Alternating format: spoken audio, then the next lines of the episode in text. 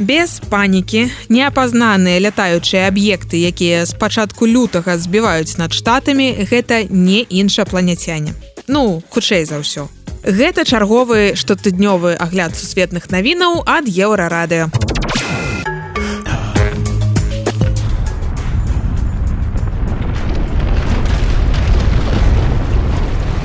Прайшло больш за 10 дзён з моманту землятрусу ў Турцыі, а ратавальнікі кажуць CNN, што па-ранейшаму чуюць галасы пад заваламі і спрабуюць прыйсці на дапамогу ацалелым у самы час. Бывае, яны распавядаюць гісторыі сапраўдных цудаў.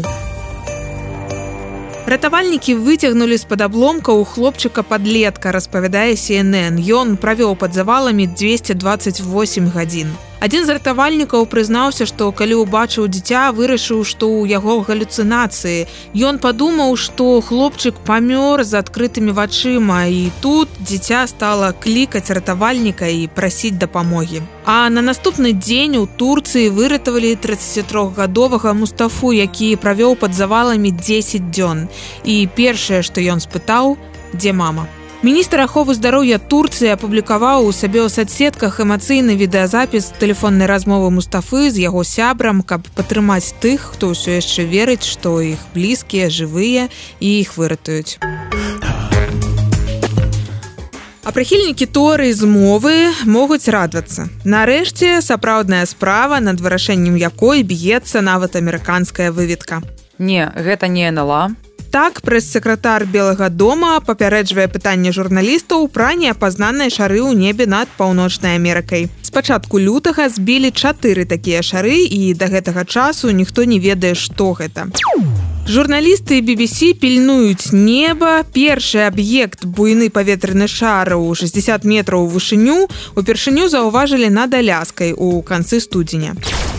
А праз некалькі дзён збілі, калі шар праплываў над усходнім узбярэжжам ЗША, пісала BBC. Пентагон заявіў, што гэта быў кітайскі шар шпіён. Кітай сказаў, што гэта быў цывільны беспілотны дырыжабль. Маўляў, збіраў інфармацыю пра надвор'е. Прэшткі шара дасталі з акіяна, нейкія сонечныя панелі і антэны. Шар відавочна збіраў інфармацыю, але якую ніхто не расказвае. Пакуль амерыканцы вывучвалі парэшткі першага шара з акіяна, сітуацыя ў небе над Амерыкай станавілася ўсё цікавейшай. За некалькі дзён былі збітыя яшчэ тры загадкавыя аб'екты. І яны вельмі адрозніваюцца ад першага. Такім чынам другі падазроны аб'ект быў памерам з невялікі аўтамабіль Ён ляцеў на вышыню ў 12 кіламетраў у напрамку паўночнага полюса. Яго таксама на ўсялякі выпадак збілі. Афіцыйныя асобы ЗША сказалі, што аб'ект пагражаў грамадзянскім самалётам. Трэці збіты аб'ект быў цыліндрычнай формы. Яго ўпершыню заўважылі над Канадай. Чацвёрты аб'ект апынуўся наогул васьмікутным. Яго збілі над мічыганам і на ім таксама не было ніякіх бачных датчыкаў. Кітай прызнаў: так, першы шар быў наш. Але што наконт яшчэ трох, ніхто не ведае. І гэта вядома дае карт-бланш прыхільнікам торы з мовы. У кітайскіх садсетках амерыканцаў заклікаюць задумацца. Маўляў, можа, адцягваючы вашу ўвагу на шары, вашыя шулады хочуць нешта схаваць. Mm. Некаторыя жыхары штата Агаю падазраюць, што ўлады замоўчваюць экалагічную катастрофу. У пачатку гэтага месяца там сышоў з рэек цягнік з таксічнымі рэчывамі.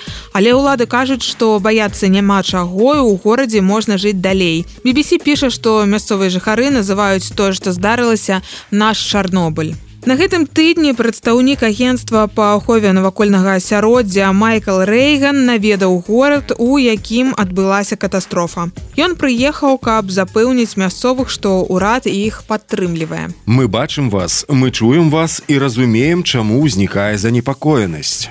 Агенства запэўнівае, што не выявіла небяспечных узроўняў забруджвальных рэчываў у паветры. Пры гэтым праверыла якасць паветра ў сотнях дамоў. Кампанія, якой належаў цягнік, што сышоў з рэек, не прыйшла на сустрэчу з мясцовымі жыхарамі, таму што пераймалася пытаннямі бяспекі. Гэта толькі ўзмацніла гнеў людзей. І ўсё гэта дакладна не дапамагло ўмацаванню даверу. Як яны могуць гаварыць мне, што ўсё бяспечна, кажа адна з мясцовых жыхарак, якая жыве недалёка ад месца катастрофы цягніка. Я не дурная, я бачыла, як воблака дыму асела на мой дом.